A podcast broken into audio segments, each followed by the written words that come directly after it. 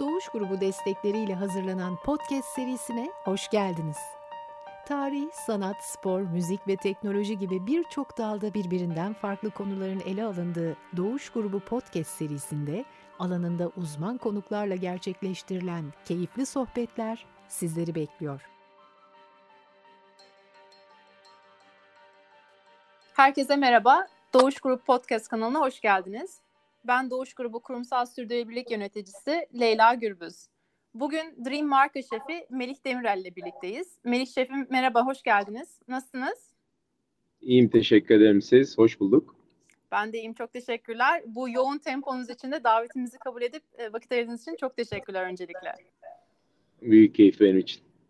E, Melih Şef'le sürdürülebilir gastronominin kapsamını, gıda sektöründeki dönüşümü, geleneksel gastronomi mirasını korumanın önemini, neden yerel ve mevsimsel ürünleri tercih etmemiz gerektiğini, tedarik zincirinin önemini, iklim değişikliğinin ve pandeminin sürdürülebilir gastronomi üzerindeki etkilerini ve tabii ki Doğuş Hospitality and Retail bünyesinde Dream'in ve Dream markalarının bu alandaki çalışmalarını ele alacağız.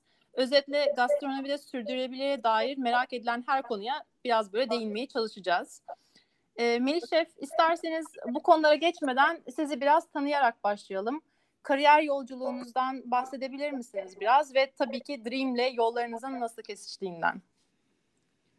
Ee, tabii ki. Aslında ben eski bir endüstri mühendisiyim. Eski diyorum çünkü benim zamanımda e, beyaz yakalıyı bırakıp mutfağa girmek bu kadar trend değildi. E, hatta aşçılık okulu bile yoktu Türkiye'de ben aşçı olmaya karar verdiğimde.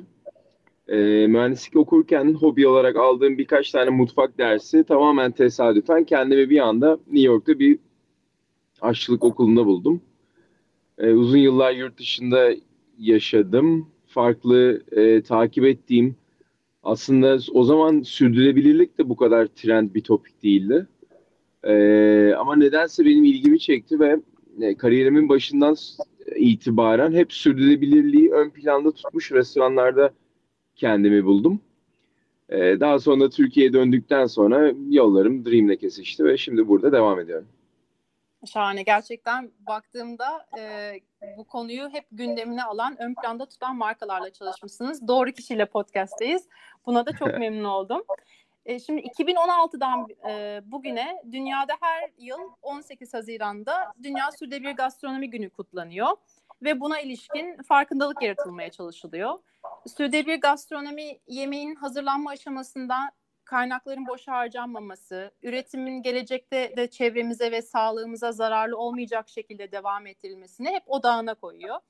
Gıda ve tarım sistemlerini tanımamız gerektiğine dikkat çekiyor doğaya saygılı yollarla üretilen ve sağlıklı gıda ürünlerini tercih etmemizi ve bu anlamda mirasımızı da korumamız gerektiğini vurguluyor. Mevsimlik ürünleri, yerel üreticileri ön plana çıkarıyor. Aslında yolculuğun tarladan başladığına dikkat çekiyor diyebiliriz sanırım. E, bu anlamda bütün değer zincirinin de önemini gözler önüne sermeye çalışıyor. Sürdürülebilir gastronomi sizin için ne anlama geliyor? Neden önemli? Ee, şöyle aslında bu benim için gastronomi anlamında değil bu sürdürülebilirlik aslında her alanda çok önemli benim için.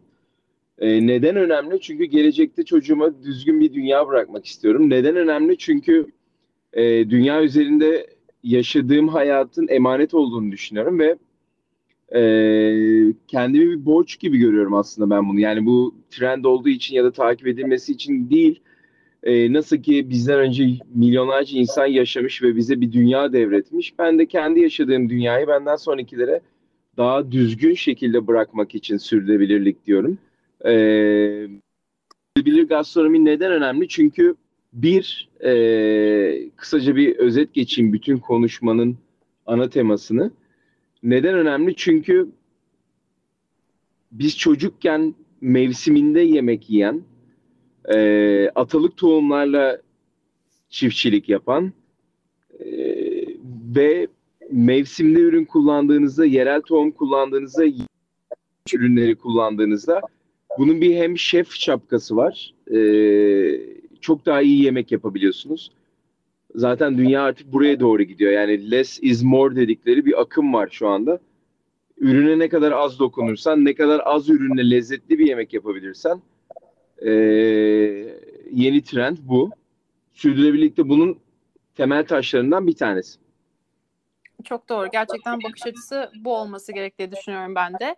Şimdi sürdürülebilir gastronomi dediğimizde gıdadan bahsediyoruz tabii. Gıda sektörü şüphesiz e, bu konunun merkezinde.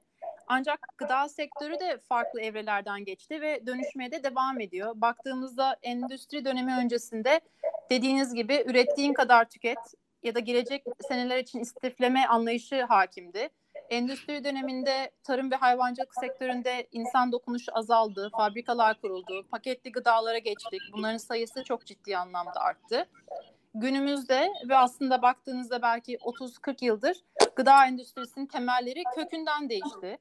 E, hiç olmadığı kadar büyüdü. Küresel markaların sayısı arttı ve sadece sayısı artmadı, etkileri de arttı. Yani hem sosyal hem çevresel etkileri e, çok ciddi boyutlara geldi e, gıda sistemi de beraberinde değişti tabii ki. Bu süreci ve şu gün bu vardığımız noktayı sürdürülebilir gastronomi başlığı altında nasıl değerlendiriyorsunuz? Şimdi şöyle yani sürdürülebilirlik yüzde yüz sürdürülebilir bir restoran mümkün mü bugünün Türkiye'sinde ya da bizim şirketimizde? Hayır. Onu yani dürüst bir şekilde söylememiz gerekiyor.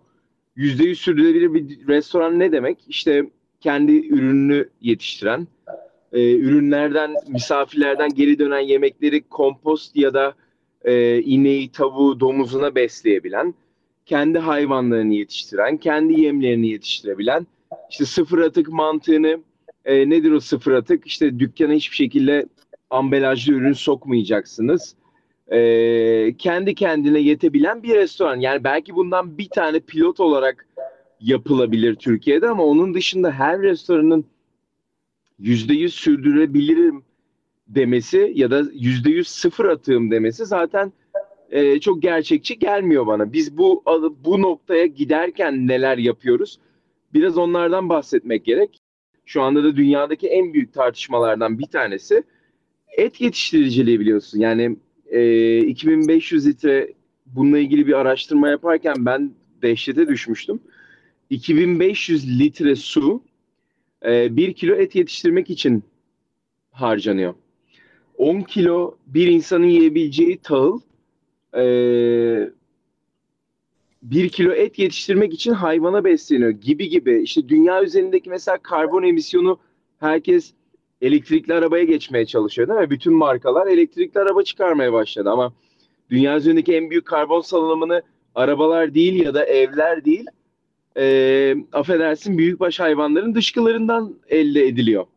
E şimdi biz ne diyeceğiz? Ya biz artık et satmıyoruz mu diyeceğiz yüzde yüz sürdürülebilir olmak için? Mümkün değil.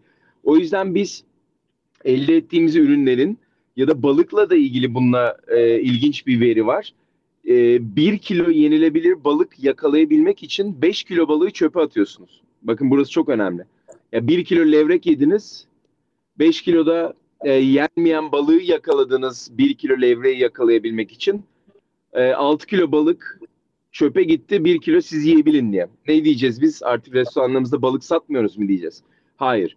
Biz şunu söyleyeceğiz. Bir, e, ürünümüz nereden geliyor? Etimiz nerede yetiştiriliyor? Et fabrikalarında mı yetiştiriliyor yoksa gezen hayvan mı kullanıyoruz? Balığımız e, trolerle mi avlanıyor yoksa eski geleneksel sistemle mi avlanıyor? Yani oltayla mı avlanıyor? E, zaten Türk mutfağının temelinde dönüp çocukluğunuzu düşünün. Ben hep aynı örneği veriyorum. E, yani domates yazın toplanır, konserve yapılırdı. Ya da salçaya çevrilirdi. Ya da taranaya çevrilirdi. Bu zaten işte ihtiyacın kadar tüket, fazlasını da sakla mantığından gelen. Bizim temellerimiz bu konuda çok sağlam. Bizim e, çok fazla çabalamamız gerekmiyor. Bizim sadece özümüze dönmemiz gerekiyor. E, işte e, balık eskiden troller yokken oltayla avlanırdı ya da ilkel ağ sistemleriyle avlanırdı ama ağ sistemleri hiçbir şekilde e, balığın yumurtlamasına, yuvasına zarar vermezdi. E, bunun şeyine dönersek özümüze hiçbir sıkıntı kalca, kalmayacağına inanıyorum. Yine ilginç bir veri vereyim size. 1950'lerde 60'larda Boğaz'da yani İstanbul Boğazı'nda hepimizin İstanbul'da yaşadığını varsayarsak e, 40 ila 50 çeşit arası balık olduğu söyleniyor. Ya söyleniyor çünkü ben yoktum o dönemde. Hatta resimler var Üsküdar sahilde 250-300 kiloluk orkinosları yan yana dizmişler e, ve resim çekilmişler. Yine eski aşçılık kitaplarını karıştırdığınızda e, çok ilginçtir. 1907 olması lazım ya da 1908 olması lazım. Bu tarihlerde yazılmış bir tane aşçılık kitabı var. Balık köftesi tarifi veriyor. Ve tarifte şu yazıyor. Balık köftesi işte bilirsiniz kalkan balığı böyle yapış yapıştır.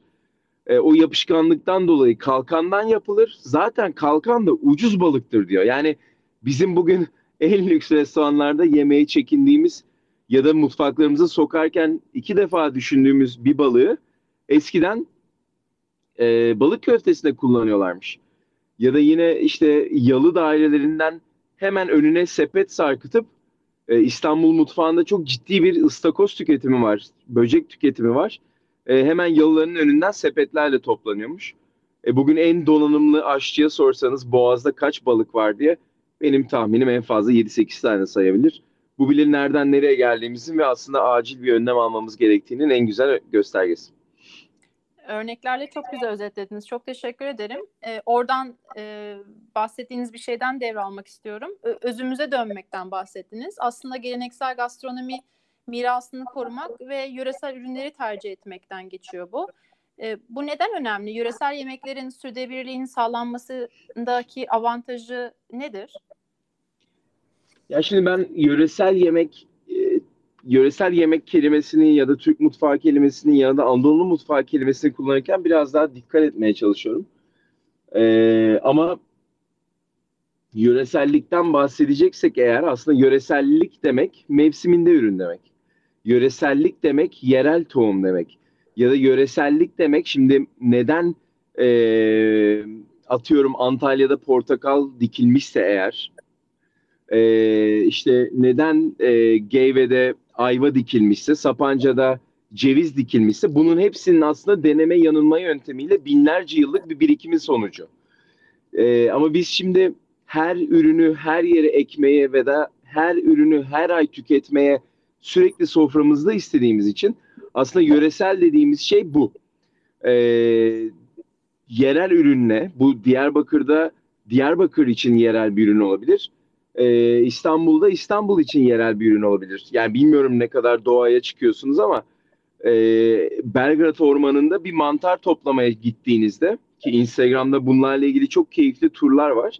Sadece İstanbul'da dibimizdeki Belgrad Ormanı'ndan 30-40 çeşit o turlarda mantar toplanılıyor. Yani çok uzağa gitmenize gerek yok. Ee, yöresellikte bir önceki sorunuzda verdiğim cevaplarla aynı e, kapıya çıkıyor. Şimdi yerel ürün tüketmek, yerel üreticiden e, e, desteklemekten geçiyor aslında. Bu anlamda da yerel üreticilerin teşvik edilmesi, onların üretim potansiyellerinin geliştirilmesi ve bu anlamda hatta ve hatta çözüm ortağı olarak e, destek olunması e, önemli diye düşünüyorum. Bu konudaki görüşlerinizi alabilir miyim? E, biz Dream'de bu konuda çok şanslı bir şefim ben. E, çok şanslı hissediyorum kendimi. Çünkü e, tabii ki biz de bir restoran grubuyuz. Bizim de nihai amacımız günün sonunda kar etmek. Ama e, operasyonumuz o kadar büyük ki bunu doğru yönlendirdiğimizde sizin de dediğiniz gibi yerel çiftçilere yerel tohumları ektirerek e, ve doğru lokasyonlarda bu ürünleri değerlendirerek e, çiftçiye destek oluyoruz. Bunu özellikle Kilimanjaro markamızda çok yapıyoruz. Ee, orada kullandığımız undan itibaren yani ben oranın bütün menüsünü herhalde saatlerce anlatabilirim. Ama çok da fazla sıkmayayım sizi. Ee, unumuz mesela hiç bozulmamış atalık tohumlu e, Mersin'in Balandız köyünde bir kadın kooperatifine ektiriyoruz. Ve unun tamamını biz alıyoruz Kilimanjaro için.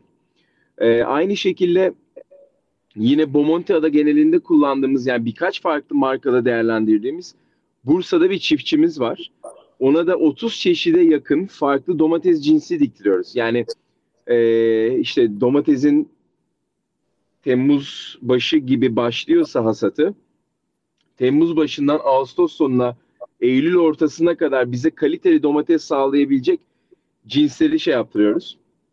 En önemli üçüncü konuda e, bu İtalyan İtalya'dan destekli Ark of Taste dedikleri e, Nuh'un gemisi yani Nuh'un ambarı diye bir e, çalışma var. Bu da dünya üzerinde gerçekten Nuh'un gemisi gibi bir gemi yapmak zorunda kalsak içine ne koyarız? Yani ne götürürüz diyerek bu e, böyle yola çıkmış bir çalışma. E, mesela zeytinyağında kullandığımız zeytin cinsi e, sarulak diye bir cins ve bütün dünya tarafından kabul edilen e, o Nuh'un ambarına girmeyi hak etmiş bir cinsi kullanıyoruz zeytinyağı olarak. E, o da bir kadın üreticiden. E, yine kendi tereyağımızı çırptığımızda kullandığımız çiğ krema Silivri'den yine kendi e, üretimini yapan bir kadın üreticiden. Böyle böyle yereli destekleyerek hem büyük bir operasyonu yönettiğimiz için hem e, şanslı olduğumuz için dokunabiliyoruz yerel üreticiye. Bu da bize ya benim hep söylediğim şey şimdi Türkiye'de kaç tane restoran var bilmiyorum ama İstanbul'da herhalde abartısız bir 2-3 bin tane restoran rahat vardı. Belki daha fazladır. Yani o işte dönerciler, köftecileri de falan koyarsak herhalde 10 binlere çıkar. E, fark yaratma anlamında farkı yaratan böyle küçük dokunuşlar zaten. Böyle küçük nüanslar. E, bu dokunuşları da yapabildiğimiz için hem çok keyif aldığım bir şey hem de e, inanılmaz şanslı hissettiğim bir konu. Aslında küçük dokunuşlar ama büyük etkisi olan küçük dokunuşlar baktığınızda üst üste koyduğunuzda. E, şimdi yerel üreticilerle, küçük çiftçilerle, kadınlarla çalışıyor olmak aynı zamanda bizi e, gıda sektöründen kopmamamızı da e, sağlıyor. Daha doğrusu kopmamızı önlüyor diyebiliriz sanırım. Gastronomi dünyasındaki birçok uzman şu anda gıdaların tabağımıza nereden nasıl geldiğine dair ya da nasıl yetiştirdiğine dair farkındalığımızın eskiye nazaran sizin de ifade ettiğiniz gibi çok daha az olduğunu söylüyorlar. Ben de katılıyorum buna. Ee, bu konudaki farkındalığın bilhassa verdiğiniz örnekler de o yöndeydi çünkü. İstanbul gibi metropollerde arttırılmasının önemi konusunda ne düşünüyorsunuz? Yani ya işte, e, bunun bu kaçınılmaz bir son yani. Hani bunun e, biz tabii ki bununla ilgili bütün ekiplerimizi eğitiyoruz, eğitimlerini veriyoruz. Yanımızda yetiştirdiğimiz bütün aşçıları bunu aşılamaya çalışıyoruz. Sonuçta ben tek başıma en fazla 10 tane restorana bakabilirim ama benim yanımda yetişmiş aynı e, felsefeyi kendine benimseyen bir aşçı yanına 10 tane daha restorana katabilir. E, bu konuda böyle çalışmalar yapıyoruz. E, İstanbul'da da bunu sağlamak aslında çok zor değil. E, İstanbul'da ciddi bir tarım alanları var. Her ne kadar betonlaşmaya doğru gitse de eskiden Osmanlı döneminde surların etrafında tarım yapılıyormuş. İstanbul'da gerçekten yerel tohumla beraber iş yapmaya çalışan birçok firma var. Ee, bir de bizim gibi büyük metropoller işte bu Londra'da deneniyor, New York'ta deneniyor. Ee, artık dikey tarıma ve e, altı duran binaları tarım alanlarına çevirerek bunu çözdü. Çünkü neden? Sürdürülebilirlikte aslında bıraktığınız karbon ayak iziniz de çok önemli. Yani ben evet şimdi Mersin'de atalık bir tohum üreten bir köye destek oluyorum ve bu müthiş mutluluk verici. Ama yüzde yüz sürdürülebilir bir mutfakta benim Mersin'den getirdiğim un için harcadığım e, petrol temelli yakıtlar aslında sürdürülebilirliğe ters düşen bir şey. E o zaman benim unumu nereden almam lazım? İstanbul'dan almam lazım. Yüzde yüz sürdürülebilir olmak için. Bu mümkün mü? Hayır, tabii ki mümkün değil. E, ama dediğim gibi bunu büyük metropoller atıl duran AVM merkezleriyle, büyük atıl duran binalarla e, ve dikey tarımla çözüyorlar. Artık dünya buraya gidiyor. E, bizim de yavaş yavaş bu konuları ele alıyor olmamız lazım. E, İstanbul gibi büyük bir metropolde de bakın siz tüketici olarak ben şefim. Ben bir restoranın şefliğini yapıyorum. Siz bana geldiğinizde Aralık ayında mevsiminde olmayan bir ürün nedir o? Çilek. Değil mi? Biz çileği artık 12 ay yiyebiliyor muyuz?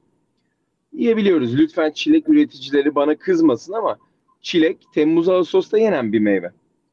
Ee, yani peak ettiği aroma anlamında, lezzet anlamında, şeker dengesi anlamında e, yenmesi ve tüketilmesi gereken ay Temmuz ve Ağustos. E biz İstanbul'da yaşıyoruz işte 12 ay çilek istiyoruz. 12 ay avokado istiyoruz. Ya yani ben Peru'yu gezdim. 4 ay Güney Amerika'yı gezdim. Mevsiminde değilse avokado Güney Amerikalılar bile yemiyor. O zaman bizim de mevsimde olmayan bir ürünü illa yiyeceğiz diye bir talebimiz olmaması lazım. Ee, bu trendi ya da bu aslında bu trend değil. Yani trendten öte bir şey artık sürdürülebilirlik. Bunu hayata geçirebilmek için tam anlamıyla bunun tüketicide e, top tüketicide yani tüketicinin talep etmemesi gerekiyor. Ben eğer atıyorum tatlı yaptım üzerine çilek koydum Aralık ayında ya Aralık ayında çilek yok demesi gerekiyor. Ama bu tabii ki uzun sürecek bir eğitim süreci. E, ama ben elinde sonunda e, tüm Türkiye'de bu işin özüne döneceğini ve nasıl çocukluğumuzda mevsiminde ürün yiyorsak yine ona döneceğimize inananlardan. Ben de e, umuyorum ki öyle olur gerçekten. Aktardığınız örneklerde bunun önemini bir kez daha e, bizle de e, yansıtmış oldu. Şimdi Meriç Şef'im müsaadenizle biraz daha makro bir konuya geçmek istiyorum insanlık olarak bugün birbiriyle etkileşim halinde olan iki büyük tehditle karşı karşıyayız. Biri iklim krizi ya da iklim değişikliği nasıl adlandırmak istersek. Diğeri de doğa kaybı. İklim değişikliğinin tarım, bahsettiğimiz e, gıda sektörü ve dolayısıyla tabii ki sürdürülebilir gastronomi ve sizin yaptığınız işe olan etkileri şüphesiz. Bunu siz gündelik hayatınızda, operasyonda hissediyor musunuz? E, hissediyorsanız da bizimle birkaç örnek üzerinden paylaşabilir misiniz? E, hissediyoruz. Yani net cevap vereyim. Hissediyoruz. E, tamamen siyasetten bağımsız bir cevap vereceğim. Çünkü benim işim değil siyaset. E, enflasyonla hissediyoruz, gıda pahalılığıyla hissediyoruz, menü yapma zorluğuyla hissediyoruz. Şimdi biz e, birden fazla restoranı olan bir restoran grubuyuz. Bazı restoranlarımızda ana yemek atıyorum tamamen 10 lirayken bazı restoranlarımızda bu rakam 100 lira ya da 200 lira her neyse e, artık menülerimizden e, daha e, orta ölçekli harcamaların yapıldığı restoranlarımıza birçok ürünü koyamıyoruz bugünün pahalılığında. O yüzden menü yaparken çok zorlanıyoruz. Bunun en büyük sebeplerinden bir tanesi e, üretemiyoruz, üretmiyoruz. E, gıda pahalılığının en büyük sebeplerinden bir tanesi bu. İkinci bir örnek de iklim değişiklikleriyle ilgili yaşadığımız sıkıntıları e, anlatmak gerekirse e, mesela tarihinde ilk defa Çukurova'da çok ciddi bir dolu sıkıntısı oldu bu sene. Yani dolu nasıl etkiliyor bizi? Aslında bizim hayatımızdaki bütün e, bir cycle olarak düşünürsek e, ağaçlar tam çiçek açtığında Çukurova biliyorsunuz e, Türkiye'nin hem narenciye anlamında hem gıda anlamında çok büyük e, tedarikçisi. E, benim de ailem orada iş yaptığı için bir fiil yaşadım ve bir fiil gördüm bütün ağaçlar çiçek açtıktan sonra e, çok ciddi bir dolu sıkıntısı yaşandı. E, tarihinde görülmemiş şiddette ve tamamen e, bu havaların ısınması, soğuk havanın yer değiştirmesiyle alakalı bir şey. E, Tarsus'ta mesela bu sene limon çıkmayacak gibi duruyor. Yani bu ne demek? Bizim bu sene zaten çok pahalı yediğimiz bir limonu e, seneye daha da pahalı yiyeceğiz demek. Ya da ithal etmek zorunda kalacağız de, demek e, bunun yansımalarını çok görüyoruz ürünlerde. Şimdi Meşref'im bir yandan e, böyle sıkıntılar var. Yani tedarik zincirinde üstüne bir de iklim değişikliğinin etkileri. Bir yandan da küresel olarak üretilen gıdanın üçte biri değer zincirinde kayboluyor ya da israf ediliyor. Türkiye'de de aslında globalden çok farklı bir durum söz konusu değil. Yeme içme sektöründe bu anlamda alınabilecek aksiyonlar, önlemler nedir? Ya da sizin çalıştığınız markalar nezdinde bu anlamda bir çalışma var mı? Ee, en son okuduğum kadarıyla yanlış hatırlamıyorsam galiba üretilen ürünün yüzde otuzu tarlada çürüyor. Bu ciddi bir rakam. Yani 100 kilo üretiyorsanız 30 kilosunu tarlada çürüttünüz. Bunun 70 kilosu markete, manava ya da sizin evinize bir şekilde geldiyse onun da %30'unu daha çöpe atıyorsunuz. Yani aslında üretilen 100 kilo ürünün e, şimdi matematiği doğru yapayım. 49 kilosunu biz sadece tüketiyoruz. Geriye kalan 51 kilosu bir şekilde çöp oluyor. Bu yine çok ürkütücü bir rakam aslında.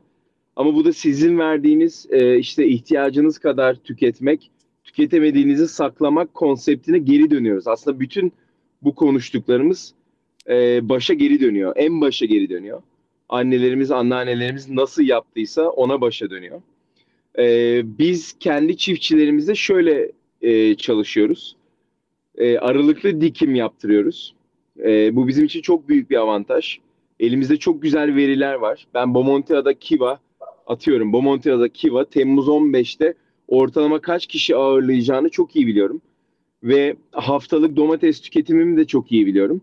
O yüzden dönüp çalıştığım çiftçilere e, Temmuz'un 10'u ile 15'i arası ben 200 kilo domates istiyorum diyorum. 220 kilo gönderirsen ya da 180 kilo gönderirsen olmaz diyorum. Bu anlamda çok e, çok iyi verim aldığımız bir sistem. E, böyle iş çalışmalar yapıyoruz. Örneklendirmek gerekirse mesela diyelim ki un üreticimiz e, buğdayı hasat, hasat etti ve biz e, bir kere de çekme şansımız zaten yok. Onlar onu buğday olarak tutup öğütüp biz ihtiyacımız olduğunca onlardan çekiyoruz. E, diyelim ki çiftçimizin elinde bir ürün arttı. Yani o sene verimli geçti ve elinde fazlalık domates oldu. O ürünleri de ya sos yapıp konserveleyip turşuya çevirip e, kışın mevsimde mevsim dışı kullanmak üzere saklıyoruz ürünleri. E, Melis Şef'im şimdi küresel iklim değişikliğine değindik. Bir makro konu daha var önümüzde. Atlattık diye ümit ediyoruz ama pandemi. Pandemi de sürdürülebilir gastronominin önemini daha da gözler önüne serdi. Bu dönem ya da bu dönemin sizdeki yansımaları ve beraberinde getirdiği öğretileri neler oldu? Operasyona nasıl yansıdı ve buradan nasıl inovatif çözümler çıktı, ortaya çıktı? Ee, şöyle aslında pandemi herkes için çok öğretici bir süreçti. Hem tüketici için hem üretici için hem de biz e, aracı şefler için. E, uzun zamandır bu işi yapıyorum. Artık misafirlerden çok fazla yerel mi, bu nereden, bunu nereden aldınız gibi talepler gelmeye başladı. Bu çok keyifli. Bunun en büyük sebeplerinden bir tanesi de hatırlarsanız artık böyle pandeminin ilk günlerinde market torbalarını klora falan yatırmaya başlamıştı insanlar. Çamaşır suyuna yatırmaya başlamıştı. Ee, işte ilaç var mı? Ne kadar ilaçlanmış? Ee, nasıl dezenfekte edebilirim gibi kaygılar bizim için çok keyifli geri dönüşe dönüştü. Ee, pandemide herkes yerel üretmenin, e, kendi üretmesinin yani şimdi belki de insanlar sıkılmıştır onu bilemiyorum ama bir ara hepimiz pide yapmaya başlamıştık hatırlarsanız. Bir ara hepimiz hamburger yapmaya başladık. Bir ara hepimiz e, evde lahmacun yapmaya başladık. E, aslında bu biraz yerele dönüşün e, göstergesi. E, bu anlamda restoranlarda çok fazla soru sorulmaya başlandı. Bu ürünler nereden geliyor? Bu birincisi. İkincisi e, üreticiler e, şimdi yine hayat pahalılığına değineceğim ama yine siyasi bir içerik değil. E, üreticiler şunu fark ettiler. Yurt dışından tohum gelmezse, yurt dışından gübre gelmezse, yurt dışından fide gelmezse kendisi üretmek zorunda kalacak. Ve kendisi ürettiği noktada e, benim en sevdiğim örneklerden bir tanesi hibrit tohumdan bir her sene tohum masrafınız var. İki ekstra ilaç atmanız gerekiyor ve su tüketimi daha fazla. Ama yerel tohumlardan her sene kendinize tohum üretebiliyorsunuz. Ee, ilaç tüketimi neredeyse yok denecek kadar az. Çünkü yerel böceklere zaten bağışıklık göstermiş. Binlerce yıl bir DNA'sına kodlanmış bir geçmişi var. Ee, ve su tüketimi çok çok daha az. O yüzden çiftçilerden çok fazla ya bak ben de yerel tohuma döndüm. Ben de işte mevsimde üretiyorum. Sana bu ürünümü tattırayım, şu ürünümü tattırayım gibi e, dönüşler almaya başladık. E, şeflerde de e, yani tamamen zorunluluktan bunun bence şeflerin yüzde ellisi e, ilgi duyduğu için yapıyorsa yüzde ellisi de zorunluluktan. E, ithalat kalmadı. Kapılar kapandı. Diyelim ki ben e, İtalya'dan parmesan kullanıyorum ve elimde parmesan stoğu kalmadı. Ne kullanmak zorundayım? Yerel bir tulum, tulum kullanmak zorundayım. E, bence pandeminin bizim üzerimizde bıraktığı en keyifli etkisi bunlar oldu. Çok güzel örnekler Melih Çok teşekkürler. Gerçekten bütün paydaşlar nezdinde bu farkındalığın arttığını gözlemliyor olmak da e, sizi mutlu ediyordur diye düşünüyorum.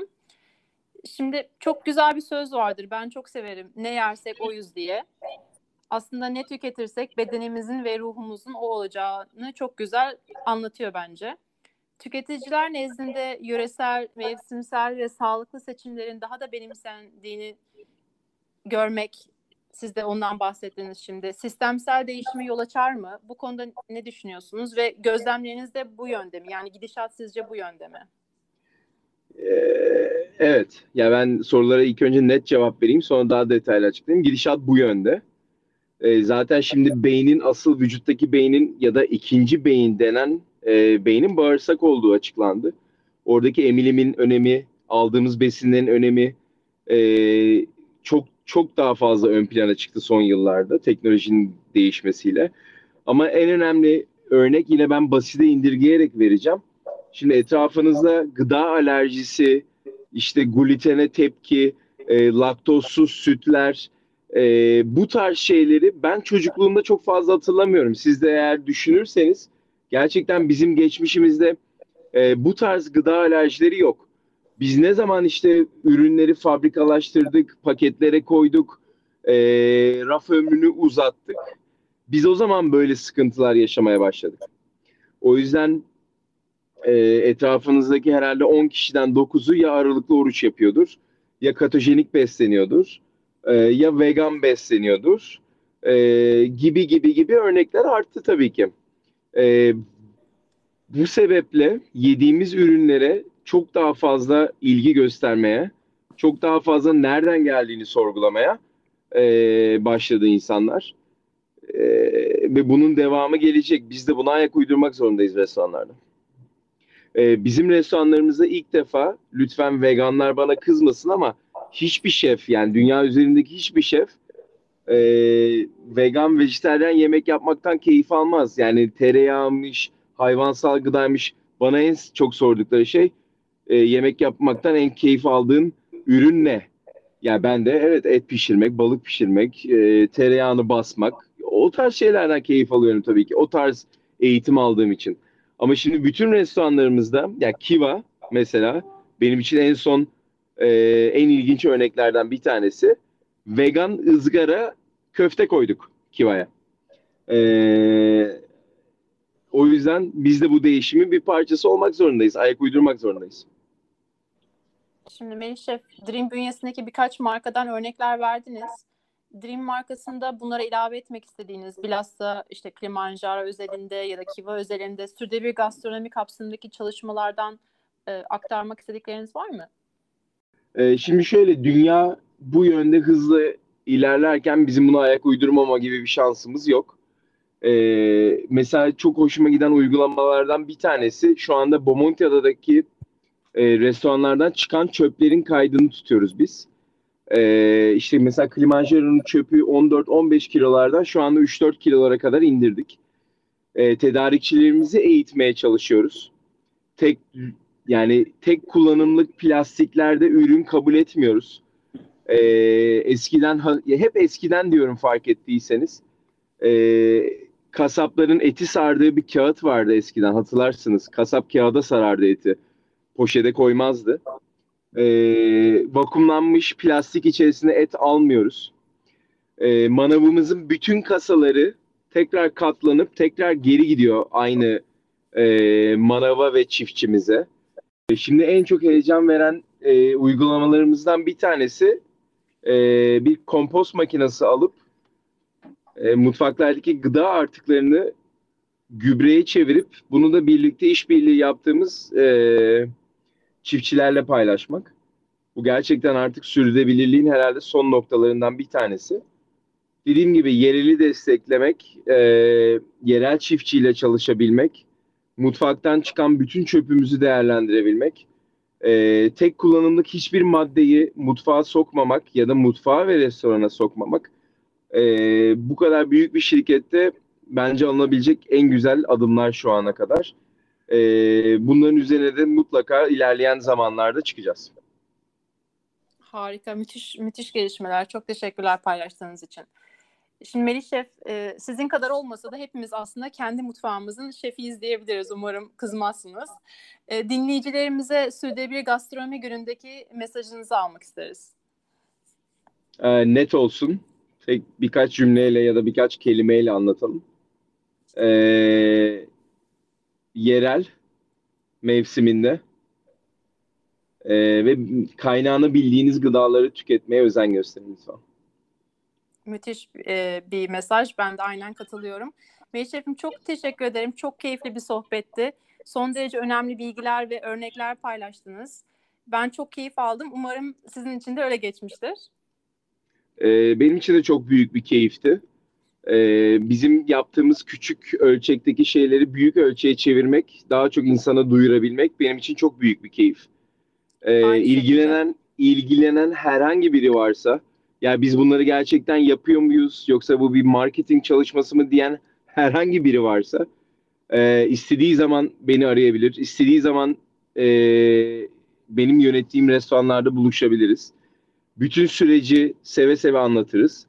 Ee, ve zaten bizimle aynı inanca sahip misafirleri de mutlaka yemek yemeye davet ediyoruz. Çünkü onların desteği olmadan biz bu ürünleri e, ne kadar çabalarsak çabalayalım e, hiçbir yere götürmez bizi. O yüzden dediğim gibi onlar talep edecek, biz karşılığını vereceğiz ve daha da üzerine çıkmaya çalışacağız. Meşref'im bu güzel mesajınızla bitirmiş oluyoruz. Ben sohbetimize eşlik eden herkese çok teşekkür ediyorum. Bir başka konu ve değerli konuğumuzla Doğuş Grubu podcastlerinde buluşmak üzere. Hoşçakalın, sağlıkla kalın.